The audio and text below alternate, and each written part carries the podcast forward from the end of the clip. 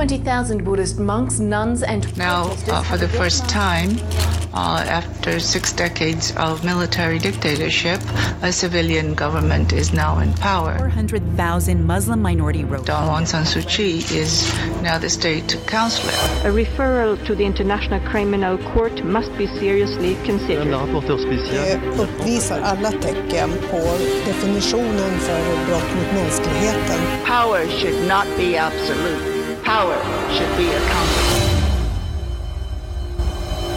Okej, hej och varmt välkomna tillbaka till Svenska Burmakommitténs podcast. Jag heter Mikael Östreich och eh, idag är det den 25 februari. Men eh, när ni lyssnar på detta så är det den 8 mars. Så därför tänkte vi att eh, det vore perfekt att spela in ett avsnitt om feminism i Burma. Och med mig för att prata om det här ämnet så har vi Dr. Jenny Edström. Välkommen! Tack. Är det första podden? Det är första Det är första podden, ja, så det är poddebut. Yes. Ja, härligt. Och sen så har vi Burmakommitténs verksamhetschef Kristina Jelmin. Ja, Du är rutinerad. Du känner dig helt trygg. helt lugnt. Ja, skönt.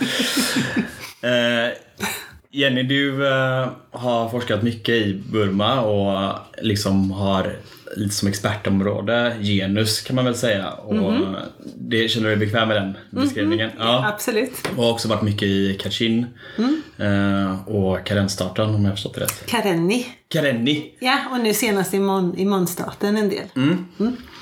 Eh, men precis, ämnet då. Eh, feminism i Burma. Är det någon av er som har firat 8 mars i Burma någon gång? Nej, jag har aldrig gjort det. Har du gjort det, Kristina? har jag inte. Tyvärr. Jag tänker att jag Ni kanske inte brukar fira det så mycket här hemma heller? Jag har firat det i Chiang Mai ett antal år. Ehm, där kvinnorörelsen har ju varit, har organiserat väldigt stora demonstrationer och events. Men det var ju innan 2011. Ehm, och efter det så har de ju flyttat in 8, 8 mars ehm, eventen till, till liksom Yangon istället. Och jag har aldrig varit där tyvärr. Men om vi kastar oss lite in på, på själva ämnet då. Eh, och alltså begreppet feminism, eller liksom ordet feminism, hur används det i Burma? Eller är det någonting som används överhuvudtaget? Kan du svara lite på det Jenny? Absolut. Eh, ordet feminism finns ju inte liksom lokalt på burmesiska utan det används väl oftast antingen som ett låneord från, från engelskan eller så översätts sätts det, men sättet det översätts på ehm, blir ungefär ja, det, att det tolkas som att det bara handlar om kvinnor, att kvinnors dom, dominans öv, öv, över män. Ehm, så att det, det, sättet det är översatt på och används på lokalt har ju inte varit så jättepositivt direkt. Ja, för jag upplever att det är ingenting som man brukar se i, i alla fall i engelska översättningar i nyhetsartiklar och sådär. Alltså, jag har aldrig sett det i burmesisk media. Nej, det har nog inte jag heller. Jag, jag, jag, jag ser det mycket i, dis, i diskussioner eller intervjuer med kvinnor, alltså representanter från, från, från, från, från kvinnorörelsen. Ehm, men ordet har ju dålig, vad heter det på svenska? Konnotation. Ja, Ja. precis. Så ordet har ju en väldigt då, dålig kon- kommunikation, bland annat för hur det har översatts. Eh, alltså womenism. Mm. Ehm, Är det så det översätts? Ja. Okej. Det är så det översätts. Ja, det är Ehm, intressant. Och det funkar ju inte så där jättebra när ändå feminism som begrepp of, ofta dras med de dåliga kommunikationerna ändå. liksom att det handlar om kvinnor och inte om män och så vidare. Har du samma upplevelse Kristina utav begreppet feminism i Burma? Eller har du Ja. stött på det liksom? Ja, men jag har ju varit på några sådana. Alltså det är ju väldigt ovanligt och jag håller helt med om att man, man ser ju liksom inte. Men jag har råkat vara på några sådana events liksom som har gått ut på att kvinnor har suttit och pratat just om, om begreppet feminism. Så här, och om man är feminist eller inte. Som jag, som, alltså det här är verkligen ett jättemarginellt fenomen då, väldigt ovanligt. Men jag har varit på några sådana. Eh, bara Vad- i, vad sägs det där då? jobbet. Så här. Ja, men eh, då är det ändå så här...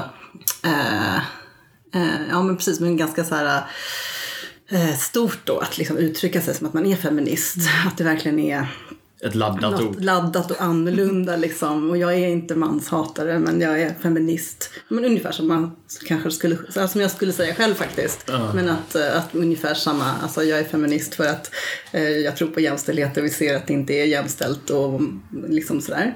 Men eh, ändå ja, att det är väldigt ja, bli mycket mer laddat än vad man hade gjort hemma. Liksom. Mm. Men det finns ju ändå en liksom, kvinnorättsrörelse i Burma. Jag tänkte Mm. vi ska prata lite mer om det senare men bara börja med att komma in på, på själva frågorna eh, Mm. ladda till kvinnors rättigheter i Burma. Alltså vad handlar det vi skulle kalla den feministiska debatten om i Mm. Burma främst? Det kanske är ett... Ehm, ja, det beror på vilken kvinna du frågar ehm, naturligtvis. Men jag tänker om man ska grovt förenkla det så har du ju den så kallade exilrörelsen som var väldigt involverad i i, dels i fredsprocessen eh, men även varit väldigt involverad i att driva frågor om jämställdhetspolitik eh, mot deras Eh, spelas detta in? Ja, det är klart. Förlåt, Ja. jag var Nej, nej, tvungen att kika. Ja, fortsätt. Eh, nej, men vad var det jag sa? Jo, att ett, ett, alltså, så, alltså, jämställdhetspolitiken ser väl lite annorlunda ut vem den man frågar. Och jag, vad, vad jag skulle säga att du har, ju, du har ju den här så kallade exilrörelsen som dels har varit väldigt engagerad i fredsrörelsen och argumenterat liksom, för mer representation. Så feminismen där har väl sett som en representationsfråga. Ehm, men, men, men där de även har pratat väldigt mycket om våld mot kvinnor och så vidare. Ehm, s- och, det, och det våldet som sker inom konfliktområdena och varit väldigt så här, kritiska mot militären och på något sätt identifierat att militären är en väldigt patriarkal struktur som genomsyrar samhället och att det måste förändras. Och sedan å andra sidan så har man nu är det väldigt grovt förenklat, men det har en, även en, en rörelse som har växt upp inne i landet under militärdiktaturens tid eh, som har haft lite mindre utrymme att vara fullt lika kritisk. Så även om de också driver frågor som, om representation och mäns våld mot kvinnor och, och så vidare så, så gör de det inom systemet och det är lite ehm, kanske lite mindre högljutt om man säger så. If that makes sense, jag vet inte. Jättebra, men jag, jag tänker bara innan jag släpper in dig för det kändes som du ville säga någonting, så bara begreppet exilrörelsen, det känns som vi kommer använda det. Ja, ja Eh, förlåt. Ja, precis. Exilrörelsen, det är ju grovt förenklat. Egentligen så är det inte det en jättebra begrepp. Men vad det har i Burma är att under militärdiktaturens år så hade du en väldigt aktiv, eh, alltså du hade ju mycket väpnat motstånd. Du har fort, fort, fortfarande idag så finns det mycket vä- väpnat motstånd emot centralmakten. Och under de här olika väpnade grupperna som då tog, eh, då i många fall hade högkvarter mot gränserna till Thailand och Bur- Burma så växte det upp en väldigt aktiv eh, diaspora där kvinnorörelser, det är även en väldigt aktiv kvinnorörelse eh, tog plats och, ut, och utvecklades. Alltså en burmesisk kvinnorörelse i Ja, till exempel Thailand. Ja men precis, Ja, det är en mm. burmesisk kvinnorörelse som har växt upp på gränsen mellan Bur Bur Burma och Thailand inom ramverken för de här olika etniska rebellgrupperna. Så, de har ju, så de har ju drivit en feministisk eh, pol politik som är väldigt mycket färgat av den etniska kampen. Så för de Just här det. kvinnorna, så när, när de driver en feministisk politik så handlar det väldigt mycket om etniska minoriteters rättigheter eh, som någonting som inte kan tas, alltså som, som någonting som är en del av, alltså för, eh, Alltså k- kvinnors frigörelse är en del av de etniska rörelsens frigörelse. Att den är sammankopplad, de frågorna. Ja, men liksom. precis. Eh, Och att det är identitet som inte kan tas isär. Medan den rörelsen som finns inne i Burma har väl inte drivit liksom den etniska Aha. frågan på samma sätt. Ah. Mm. Ja. Vill du säga lite mer om eh, Jag kvinnorättsfrågorna? Liksom? Jag tänkte så här kanske att, eh, att ändå om man tänker så här i media och så här på något nationellt så, där, så vet jag inte om man riktigt kan säga att det är så jättemycket liksom feministisk debatt som syns. Men däremot så det som vi, vi relaterar till här är liksom att det finns väldigt starka grupper men de är ju ganska små liksom, så att det är ju en debatt som försiggår liksom på, som små fickor kanske, där det finns en debatt. Eh, men att, och det som väl, ja, utan att på något sätt säga att jag vet allt, men att de vissa saker som kanske har samlat folk, det har ju varit en sån här eh, lag mot våld mot kvinnor som liksom har samlat olika gri- grupper som man har försökt lobba för under jättemånga år. Hur många år vet du? Nej, det, Jenny? är fem, det är minst fem år. Ja. Det kan vara mer. Så det har liksom varit en sån sak som ändå har samlat olika grupper. Och sen så också de här Absolut. återkommande skuggrapporterna till eh, när man, när man rapporterar till FN, när landet liksom ska rapportera om hur de har genomfört konventionen mot diskriminering av kvinnor. Så det har också varit en sån process där liksom olika grupper har ja, samarbetat. Så det har varit lite, lite mer kanske så här, en gemensam debatt. sätt. Nej men ab- ab- absolut, jag tror det är absolut korrekt. Ehm, jag har skrivit upp här på min eh, anteckningslapp om att eh, jag håller egentligen med mig själv i min egen anteckning här men att, man, Ja, där också. men att man ofta talar om Burma som ett väldigt patriarkalt land. Liksom. Men jag tänkte att du kanske skulle få utveckla det argumentet lite. Var- Varför talar man så ofta om ett Burma med väldigt starka patriar- patriarkala strukturer? Och vad har det att göra med militären? Kanske lite ledande fråga men eh, jag låter dig ta den bollen. Ja men absolut. Nej, men när, Burma leddes ju av en militärdiktatur från 60-talet till, till 2011 när den här semidemokratiska regeringen, eller vad man ska kalla det för. Så Jag vet, vad säger ni på Svenska Burmakommittén? Vad säger du? Ehm, vi brukar undvika lite grann. Vi brukar säga så här eh, i den eh, politiska reformprocess som pågår eller sådär. att det är en pågående process. Ja, okej. Ehm, jo, men så de har en militärdiktatur ehm, som då har lett landet till den eh, politiska reformprocessen. Inleddes. inleddes eh, 2010-2011 och då har man ju haft en militär som har styrit och militären har ju varit helt dominerad av män. Ehm, kvinnor har ju inte fått komma upp i högre positioner så de har ju dominerat alla offentliga institutioner mer, mer eller mindre. Så det är ett skäl. Och det försvinner inte över natten. Även om det är en reformprocess som pågår så är ju militären en fantastiskt stark, stark makt och har en enorm infrastruktur genom hela landet.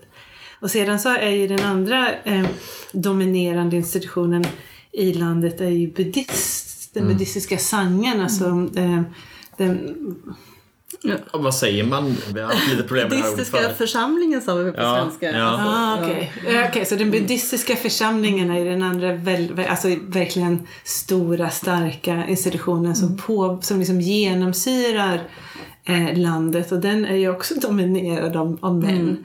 Eh, så de två liksom, viktigaste institutionerna är ju patriarkala, m- väldigt maskulina, på ett, både direkt och in, ja, och ma- ja, eh, eh, förlåt, två väldigt patriarkala ins- eh, institutioner. Men jag, jag tänker, det är ju på en väldigt institutionell Ja, nivå. Ja. Kan man säga någonting om hur det liksom återspeglar sig i samhället?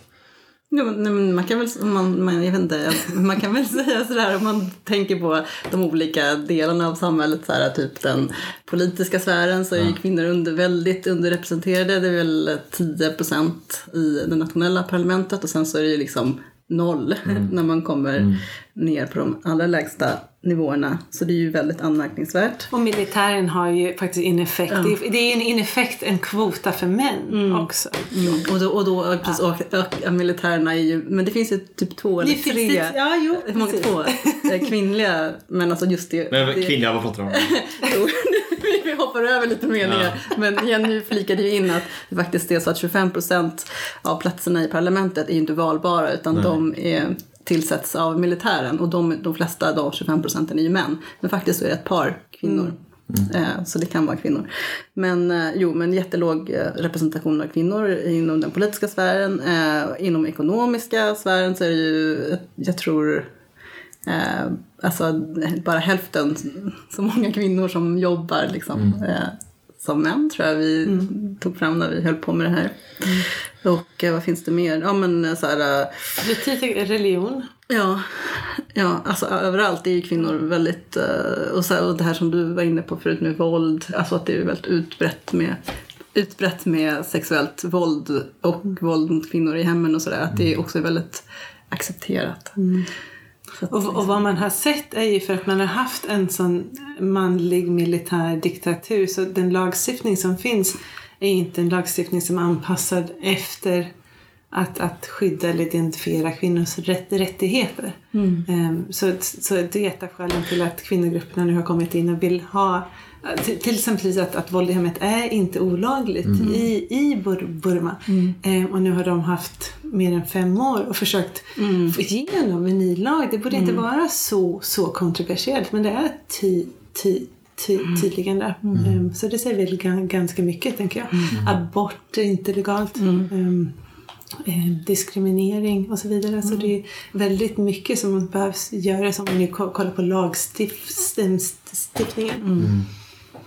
Alltså ofta när man eh, talar och läser om eh, feminism, i alla fall i akademin, så brukar man ju prata... Alltså, i vart fall har jag stött på många gånger att man ställer feminism eller den feministiska rörelsen mot militarism eller mot det militära liksom, eller ehm, mot eh, de som för krig på något sätt liksom och att eh, det automatiskt är så att den feministiska rörelsen formas av det här förhållandet på något sätt. Jag vet att du har varit inne mycket på de här bitarna i din forskning och också kollat lite på eh, fall där det inte är så. Eh, kan du på något eh, podcastvänligt sätt förklara lite vad det är? Ja men ta det på engelska om du skulle behöva. Så. Eh, jo, men precis. Nej, men det, det är det som är så spännande med, med, med Burma som, som forskningsfält. Att det är, man kan lära sig väldigt mycket nytt om, om breda frågor som har relevans för, för, för hur vi förstår vä, vä, världen. Så till exempel relationen med militarism och fe, feminism. Så att, eh, som jag var inne på, på förut så finns det ju jag vet inte hur många, men det finns ju senaste räkningen tror jag man säger runt 18 olika etniska arméer plus kanske hundratalet liksom militiagrupper som slåss emot regeringen eller med varandra eh, eller mot varandra. Em, Eh, Och i många av de här, speciellt de här etniska arméerna, så har ju de, så har den här kvinnorörelsen i exil har ju då byggts upp. Men den har ju byggts upp alltså inom ramen för hur ska man säga på svenska? Alltså du har ju då den här exilkvinnorörelsen som, som har närts av och blivit po- politiserats och mobiliserats genom den, den, den väpnade kampen mot, mot centralmakten. Precis, ja. Ehm, så att den feminismen som då kommit upp som, som då är liksom mer en etnisk militant feminism ser ju inte militarisering per se som att ligga i ett motsatsläge till, till feminism. De ser den burmesiska staten som att vara ett motsatsläge. Men de ser ju de egna militära grupperna, eller egna, men de militära grupperna som de är allierade med, det, de kritiserar ju dem absolut, men de ser ju också dem som att de är allierade i kampen för sina egna rättigheter. Eh, I och med att etniska minoriteter är dis, dis, diskriminerade i, i Burma.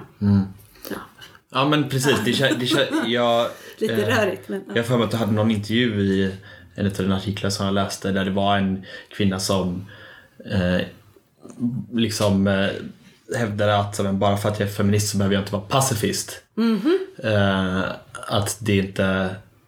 Och att det är ofta liksom eh, någonting som man utifrån definierar liksom den feministiska rörelsen utifrån liksom, men att den faktiskt kan se ut på olika sätt och ser ut på andra sätt liksom på, i olika delar av både världen och i olika delar av Burma. Och jag tänker att vi kan komma in lite på hur de ser ut i olika delar. Du var redan inne på det, lite skillnad mellan exilrörelsen och feminismen inne i Burma. Men ehm, Innan vi går in på det så skulle jag eh, vilja prata om ett begrepp som jag har stött på några gånger men inte hunnit läsa så mycket om. PON. Kristina, kan... Ska jag bolla över den direkt till Jenny? Men exakt vad ordet betyder, det vet jag inte riktigt. Jag vet. Alltså, Det är den här äh, manligheten på något sätt va? Alltså kraften och styrkan som Ja. finns i... Potens, i pot- ja, precis. Som finns för att man då har återfötts som man och att män då enligt det här kulturella buddhistiska begreppet på en har, är då eh, alltså superiora till, till kvinnor. Det är alltså ett begrepp i alltså, det burmesiska språket. Ja, men det kommer från, från eh, buddhismen. Okej. Eh, Mm. så att det, så att men det är ett kult, ja, väldigt kult, kulturellt begrepp också Mm. naturligtvis. Men det finns ju väldigt många olika religioner i, Mm. Burma och, och också. Eh, men, men, men buddhismen är ju den absolut största, största. Så att begrepp och eh, vad kan man säga, ritualer Mm. och normer som kommer ifrån buddhismen genomsyrar ju även till viss del även andra grupper. Men hur märker man av PON då? Hur, stavar man det? H-P-O-N? HPOUN på ja, men, ja, men med latinska right. bokstäver tänker Ja. jag. Eller ja, ON kanske ibland. Ja, ja. Jag har sett olika stavstavningar. Men hur, hur, hur märker man av det på liksom en mera Ja, men på ett rent lokal nivå eller vad ska man säga? Eller, På ett väldigt praktiskt sätt Ja, kan man ju se att det finns ju många ställen där kvinnor inte får gå in för att kvinnor är orena. Eh, man får inte gå in på vissa tempel. Man måste alltid sitta under ehm, eh, ja. mm. Alla måste sitta under en munk så det var en då, dålig idé. Men till exempelvis med tvätt. Att kvinnor får ju inte, man får inte hänga kvinnors tvätt över mäns, över mannens tvätt li, alltså lina för då förlorar männen all, all sin kraft. och den här kraften som man pratar om som kallas för PON då helt enkelt. Precis, sin makt och sin kraft. Eh, för några år sedan, jag vet inte om du kommer ihåg det här Kristina, så hade, alltså det var när Burma fort, fortfarande var en militärdiktatur så var det en del kvinnogrupper inom exilrörelsen som hade en fantastisk kampanjidé att de skulle skicka trosor till generalerna i Burma. Ja, men vi har ju en sån plansch på kontoret Ja, faktiskt. ja, ni har det. Den är Det är härlig. jättekul! Så de fick ihop massor med trosor och så, för att skicka till Burmas generaler för att de visste att det här skulle de få panik av och få förlora all sin kraft. Ja. Men också typ så här att ja, men så, så betyder liksom att det som är kvinnligt är liksom negativt. Så. Och sånt som är kring liksom menstruation och barnafödande och sådär. Det är inte liksom, ja, vad ska man säga, det är inte positivt. Det är Nej, det är orent liksom. Mm. Väldigt orent. Ja. Så att, och jag vet inte, för man blir, jag tycker ändå att det är, ja, mm, de här kulturella för först pratade vi lite grann om så här lagstiftning och sånt. Ja. Just de här kulturella skillnaderna och hur kvinnor liksom verkligen är ja, det andra könet nedvärderade. Det, det, är ju, ja, det är ju väldigt, väldigt påtagligt och På vilket sätt menar du typ påtagligt? Liksom? ja, men att det verkligen är så. Om man tänker på det, ja, man får inte hänga mäns tvätt över kvinnors. Alltså det är så här, eh, att man verkligen är inte lika mycket värd. Eh, Och, eh, och att det har att göra med det här att liksom, man är född till kvinna. Och det är liksom, Och det är karma. ja det är karma tyvärr. Du hade så dålig karma i ditt förra liv så du blev kvinna liksom. Och, det, och det är det här då att det inte finns en lagstiftning mot mäns våld mot kvinnor för att det är ju okej. Det spelar ingen roll att man slår en kvinna för det är inte så viktigt. Eller att vå- våldtäkt inom hemmet inte, alltså det är inte, att det är inte legalt heller. Nu hade jag velat ta några siffror men jag kommer ihåg att jag läste någon så här äh, undersökning på man hade intervjuat kvinnor om hur, hur liksom, åh, men äh, hur, hur vanligt det var att man eller vad man tyckte om våld. Det här får ni klippa bort eller får säga. Men men jag tyckte, jag tyckte att det var så beklämmande liksom, att det var en stor andel som hade blivit utsatta men också en stor andel som tyckte att det var okej. Jag blir utsatt för våld i Ja, hemmet. ja. Nu hade jag velat kunna säga vad det var för siffror men alltså att den att det liksom inte är, det är något man, man tycker är liksom en del av livet att bli utsatt för, för våld. Ja, intressant. Um, För, för jag säga en grej som jag tänkte på, en annan grej. Att när vi pratade om den feministiska debatten och sådär, att en sak som man möter ju ganska ofta, det är ju det här, äh, både jag tänker i Sverige när man pratar om Burma och feminism och, och man pratar kanske mest med män i Burma, men så här att, att det är så bra redan i Burma. Det kanske jag tänkt komma in på förut. nej men gärna, vi kan komma in på det nu. Ja. Ja. Eh, som är så här, eh, det verkar vara så jätte... Eh, och det var faktiskt också, jag, jag bodde några år i ett grannland, Laos, och då där var det också så att man hade den här uppfattningen om att de här länderna, här har kvinnor det så bra. Och så var det så här, kanske lite oklart vad argumenten var i och för sig, men dels är det väl så här att ja, kvinnor har hand om ekonomin i hushållet, tror jag. Och sen så att det har funnits någon så här eh, buddhistiska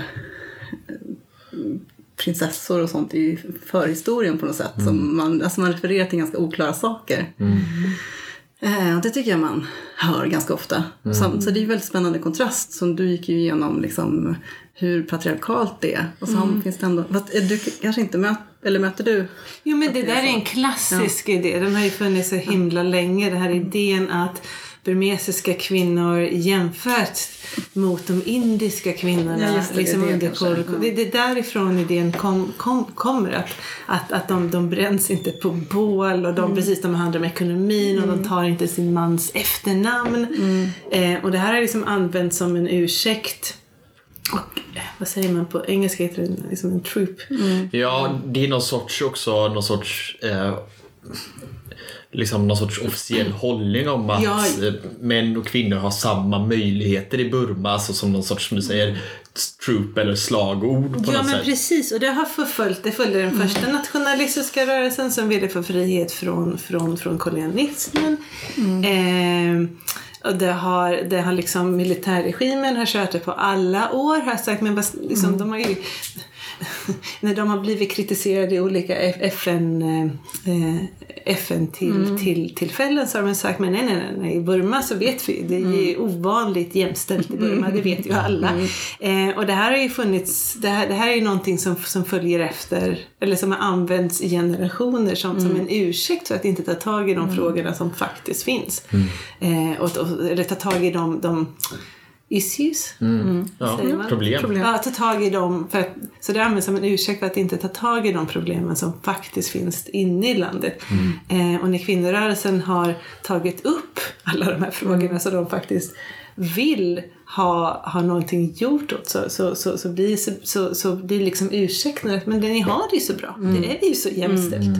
Eh, så då blir det som en ursäkt. Eh, om vi eh, går vidare lite så skulle jag vilja återvända egentligen till alltså, kvinnorättsrörelsen i Burma.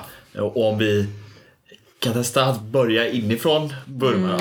Eh, kan du, vågar du vara så bred så du kan säga någonting om hur den ser ut i Burma eller eh, finns det kvinnorättsorganisationer som är stora i Burma och är de välkända och så vidare? Det finns ju många liksom. Alltså dels så finns det ju olika, titta på Jenny när jag pratar. Så jag får med, dels, dels så finns det ju alltså att alla olika, ehm, man brukar prata om ol, olika etniska minoriteter har liksom mm, ganska starka kvinnogrupper. eh, Så. Och vissa av dem då kommer då från exilrörelsen som du pratade om förut. Eh, och sen så kanske man kan säga från, ja men lite från den här öppningen 2011. eh, att eh, också har kommit några um, en, an- liksom en lite yngre generation av grupper. Ehm, om de är stora och välkända, det är så himla svårt att säga liksom. Det är väl inte så kanske, utan det finns väl några mindre som inte är så välkända men som jobbar på väldigt hårt liksom. Och så finns det ju vissa, i och för sig kvinnor som, vissa ledare som, mm, alltså individer som uppmärksammas ibland och kan vara i media och så här, som är liksom eh, lite mer kända. Men skulle du säga att det finns liksom stora kända grupper? Um, alltså kända, det är, det är svårt att definiera om Kända- kända eller inte. Men det, fin, det finns ju stora nätverk. Ja. Dels pratar man ju brett om Women's Le- League of Bu- Burma. eh, som väl har varit den här exilrörelsen men som numera har huvudsäte i, i, i Rangoon. Och sedan så har det ju andra stora nätverk med hundratals organisationer. Så One och Gen och så vidare som liksom alltid har funnits inne i landet. Eh, och det är de här vi prat, pratade om ti, ti, tidigare som, som samarbetar. Eh, men sedan precis som Kristina är inne på så det, alltså det är inte, de här olika etniska staterna har ju också ofta stora kvinnonätverk som liksom spänner hela staten. Så att det finns ju en fantastisk organisering och mob- mobilisering av kvinnor och mycket av det här tror jag har kommit uppifrån att, att den burmesiska staten, i och med att det har varit en militärregim och i och med att kvinnor har sett som att de är så otroligt jämställda och inte behöver hjälp och i och med att militären har bara velat ge, ge sig själv pengar så finns det ingen väl, välfärdsstat och det finns ju liksom ingen, eller det har, det har ju i alla fall inte funnits där. Så, så, så mycket av de här kvinnorörelserna har ju också vuxit upp och tagit mycket plats och gör mycket åt staten på sätt och vis. De är ju otroliga. De har, driver ju olika sorts dagis eller liksom informella drop-ins för kvinnor som behöver hjälp. De har eh, shelters, alltså eh, kvinnofrid. Ja, Ja. kvinnofridscenter liksom. Mm.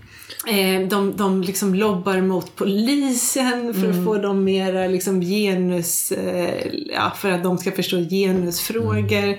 Eh, de arbetar mot de etniska arméerna, de liksom jobbar mot staten. Alltså de är ju överallt så att de gör ju otroligt mycket.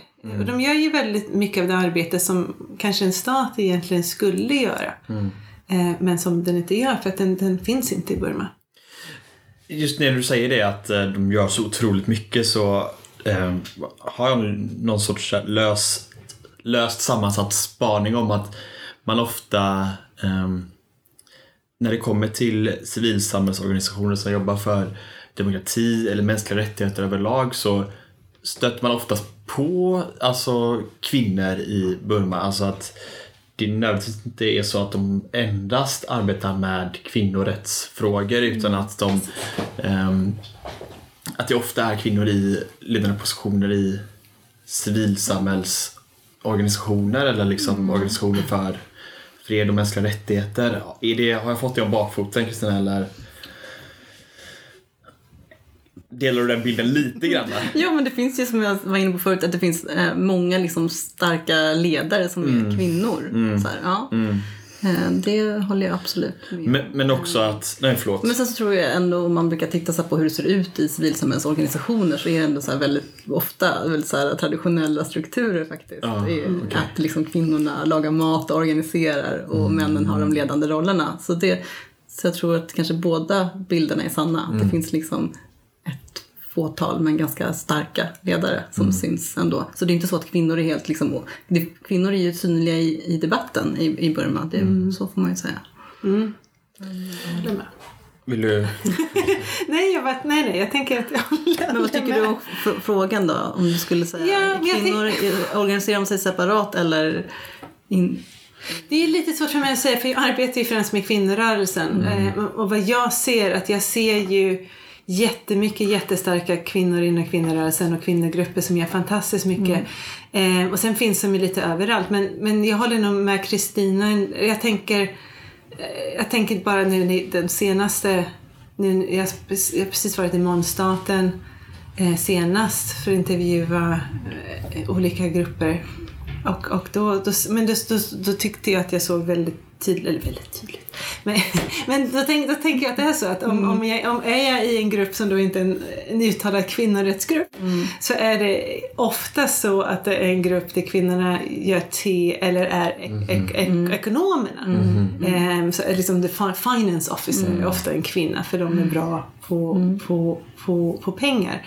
Eh, men jag tänker, i alla fall det jag har arbetat, att jag har nog inte sett särskilt många, jag kan inte komma på någon, men det kanske finns.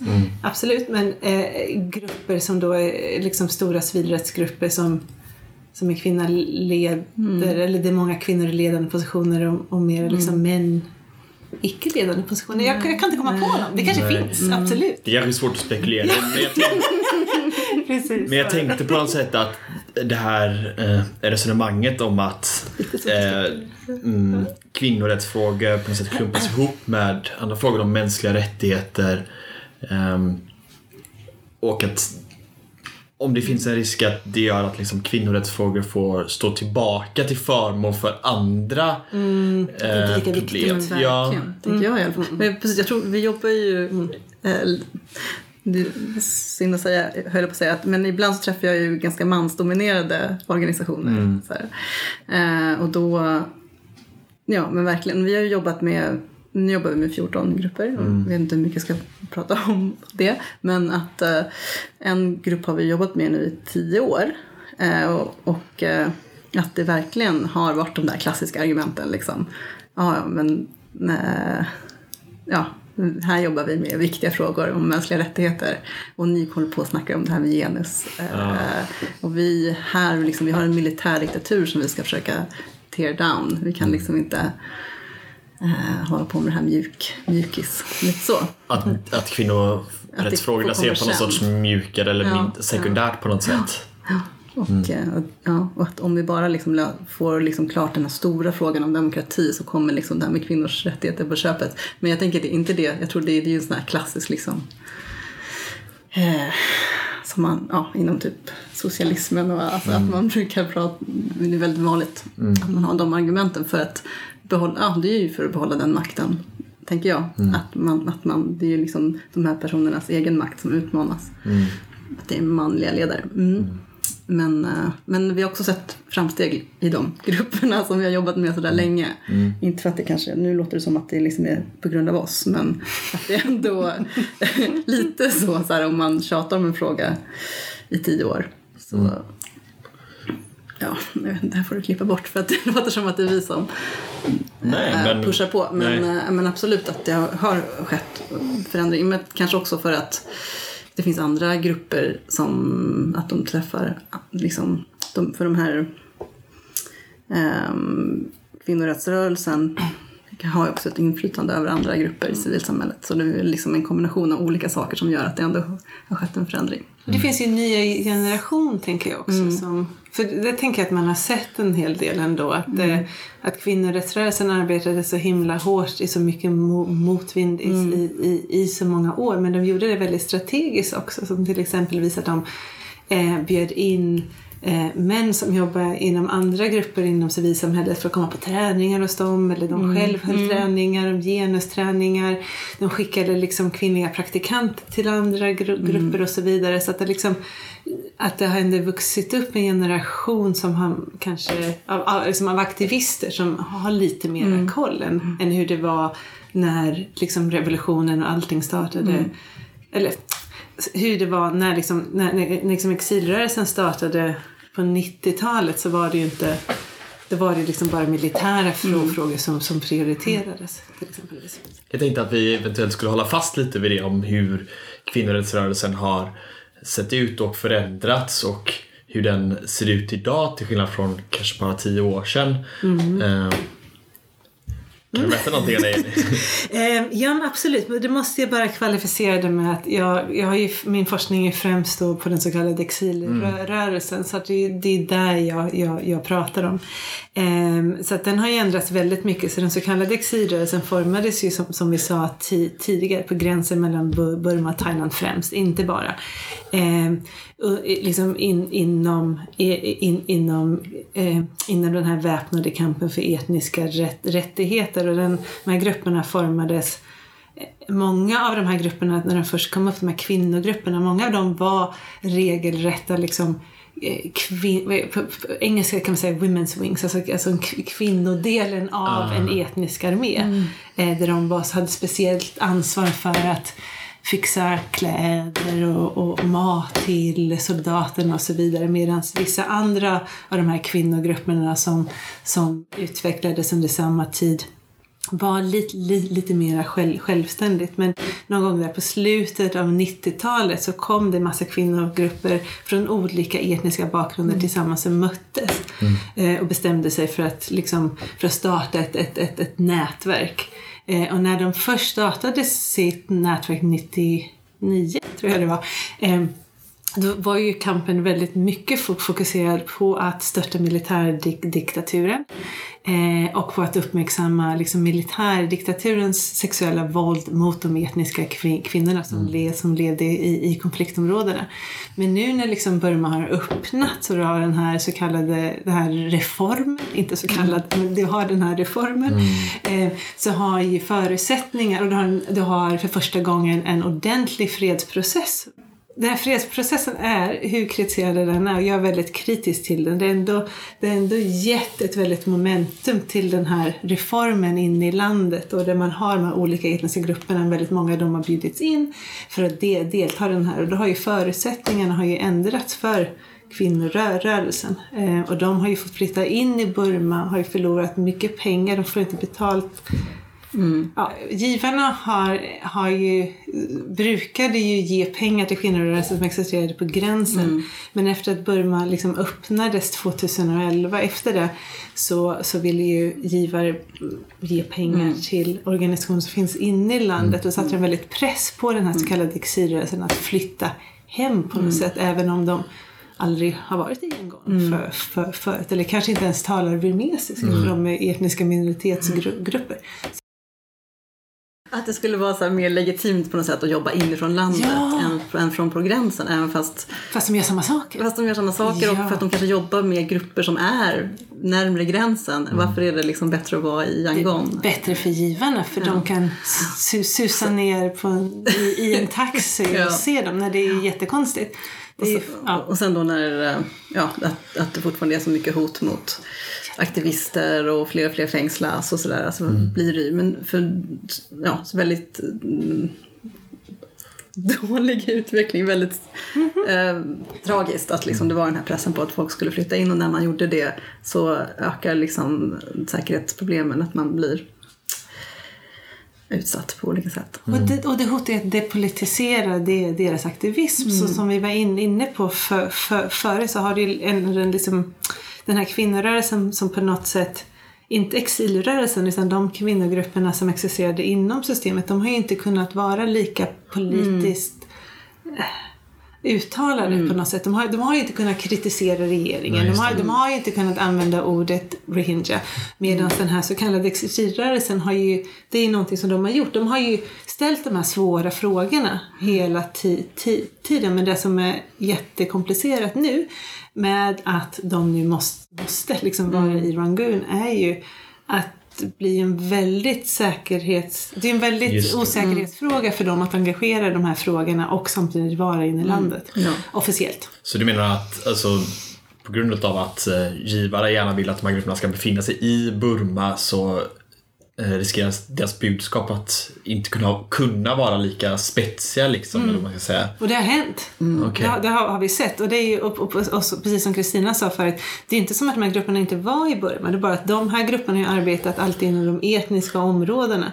Så för dem har det ju funkat alldeles utmärkt att vara på gränsen. För det kanske varit närmare till den, till den liksom community där, där, där, där de arbetar. Men så blir de liksom pressade till att vara i Yangon som är, ligger liksom mitt det li- ligger väldigt långt ifrån etniska områden. Där de jobbar egentligen. Ja, Ja. långt ifrån de områden Ja. där deras... Ja. Precis, och där folk pratar burmesiska och, det, och där det finns, ja, det, är, en- det är en helt annan, det, det, det är inte som att, de har ju alltid arbetat in i landet men de har inte, de, de här givarna har inte sett det som det. Jag var i Chiang Mai i norra Thailand för något år sedan ehm, och, och var där på arbete och då träffade jag alla i exilrörelsen Ehm, alltså sekretariatet för hela exilrörelsen, för alla var i norr, norra Thailand för de skulle ha, ha, ha sitt årsmöte. De kunde inte ha det inne i Yangon så de var tvungna att flyga ut all personal. Eh, för säkerhetsläget var så himla dåligt inne i Yangon plus att tre av deras anställda är svartlistade av regimen. Så att det ju det är ett väldigt bakvänt Ja. det här, den här liksom pressen att få Ja. in dem i Yangon för att det är enklare för givarna på något sätt för att de sitter där utan att de tar inte, förutom att de förstår liksom inte kontexten. Nej, men jag tror att det var, fanns en tanke också om att, det inte, att det var mer legitimt att stödja. Liksom. ja, vi ska stödja de riktiga grupperna Ja. i landet och inte de här exilgrupperna. Men det var ju väldigt bakvänt tänkt. Liksom. Ja, absolut. Ja, jag håller helt med. Ja, precis. Och då delegiti- delegitimiserar de ju allt arbete som har för sig gått i så många år av de här så kallade exilgrupperna. Vi kan ju liksom inte ha en eh, podd eh, utan att vi benämner Aung San Suu Kyi. Det, det blir ju alltid så. Men det är ju trots allt, eh, eh, jag vet inte vad jag ska säga anmärkningsvärt, men det är ju i alla fall någonting att liksom den här ehm, landets ledare och liksom talismanen för det här landet trots allt är en kvinna. Eh, har hur, eller vad har Aung San Suu Kyi betytt för kvinnorörelsen i Burma? Så eh, bland exilrörelsen, eh, då landet fortfarande var en militärdiktatur, så hölls Aung San Suu Kyi upp som en stor idol och som kvinna som skulle förena landet. Jag kommer ihåg när jag levde och arbetade med dem ehm, så firade ju vi Aung San Suu Kyis födelsedag och det var liksom idéer om att det skulle bli Burmas kvinnorättsdag skulle firas på hennes, på hennes födelsedag och folk var ju jättepositiva. Eh, och den... Eh, så ser det väl inte ut riktigt likadant längre. Nej. Mm, för hon, hon var ju liksom en stjärna som man... eh, Liksom, hon har ju lyfts upp liksom innan hon agerade, eller man ska säga, som en symbol ju. Så det är ju väldigt svårt att leva upp till det såklart. Men hon, att hon har betytt mycket utifrån det. Att folk har ha- haft det här hoppet liksom Ja, genom många, många år. Men just för liksom kvinnofrågor jag undrar, för nu är det ju så upp, jag har hört henne själv till exempel när hon pratade i parlamentet här. Så sa hon ju någonting i stil med så här, för då fick hon en fråga liksom varför är det inte fler kvinnor i politiken eller någonting sånt där. För att hon skulle ju ändå kunna göra någonting. Eh, men då sa hon så här ehm, det finns inte tillräckligt många eh, kvalificerade kvinnor, någonting sånt där sa hon. Och man har ju hört, hon, ibland är det olika argument, men de här liksom, ja, klass, klassiska, eh, liksom att man sopar problemet under mattan. Men var hon, du som har varit med längre än mig, var hon liksom mer för att hon pratar om kvinnofrågor eller om kvinnors Nej. rättigheter? Nej, Nej, det var nej, bara det, nej, nej, det var det var för att hon var kvinna som Det var kvinnor. för att hon var kvinna och var en symbol. Ja. Så hon hade egentligen inte sagt, sagt någonting. Nej. Utan folk kan ju pro- projektera sina egna idéer och drömmar på henne så länge hon var tyst. Problemet är ju nu när hon inte är tyst och, och, och, och hon inte är en feminism. Och hon inte driver minoritetsfrågor, hon driver inte kvinnofrågor, hon är inte intresserad av något sånt. Hon är ju en privilegierad bamar, hon kommer ju från en överklasshem och en, den majoritetsgruppen i Burma. Eh, Så det är inte så, kon- alltså, inte så konstigt egentligen att, att hon inte vet eller kan eller förstår hur det ligger till. Eh, För kvinnor som kommer från etniska minoritetsområden eller kvinnor som, som, som lever i, i ett ojämställt samhälle. För hon upplever själv att det all, allt är bara bra. Ja, nej, men hon står väl för den här liksom, eh, vanliga retoriken att, att det inte är stora problem med jämställdhet i Burma. Mm. De här slagorden som vi pratade om förut, eller troopsen som vi kallar dem. Mm. Precis. Troperna. Ja. Men det är ändå som du säger, det är väl spännande för att det, att, att det kan vara, om, man, om det är så patriarkalt, hur kan det vara en kvinna som har den högsta positionen då? På ett sätt har hon ju det. Liksom. I- Utifrån perspektivet Ja. får en att eh, Ja, är vilja ställa den frågan Men Då fall. blir det ju att man tänker också på att hon har, hon har den här rollen lite grann utifrån sin pappa och hela den grejen kanske. Men jag vet inte, vad, vad säger du? Ja men precis. Men det känns ju lite... Jag tänker att hon, hon, har, ju var, hon har ju varit... Eh, jag vet inte, det är en jättebra fråga. Jag, jag, jag har alltid tänkt, tänkt så. Jag, jag tänkte att hon, hon, hon, i alla fall initialt, att hon har ju, drar ju, ju väldigt mycket på sin pappas minne och, och hela myten kring honom. Hon är ju sin fars do, dotter. Eh, men sen har hon ju även, det kan man ju, hon har ju även varit, i alla fall i början, en skicklig organisatör. Eller liksom en bra talare. På, alltså, så, och, och, och var där vid rätt tillfälle, 88. Det var, ju, var väl mycket som skulle klaffa där. Och hon är ju karismatisk. Ehm, och sen sa hon ju inte så mycket, för sen satt hon i husarrest i 17 år. Eller, eller vad det nu var. Men jag menar när man pratar om de här, bara för att spinna vidare lite på det du var inne på Kristina, när man pratar om de här patriarkala strukturerna som finns i alla institutioner och i politiken. Har det liksom pratats om att Aung San Suu Kyi är kvinna som ett problem? Alltså utifrån de här strukturerna liksom. Har hon, är det någonting som ni har sett eller något som har brukat Att hon har tas upp? För jag har inte stött på, nu är hon så himla etablerad men Ja, nå, nej, det var ju mycket kritik för innan hon kom in i politiken. Och mycket av den här kritiken var ju fokuserad, kanske inte så mycket på att hon var kvinna, men att hon var rasförrädare. Eh, det var mycket sånt, att hon var gift med en britt, att hon då i och med att etnicitet och identitet kommer från mannen i Burma, det här att hon har ja, en rasförrädare. Eh, eh, så, så, så, mycket kritik var ju kring det, att hon var en hora. Eh, Så det är mycket så här könade alltså, k- eh, kritik.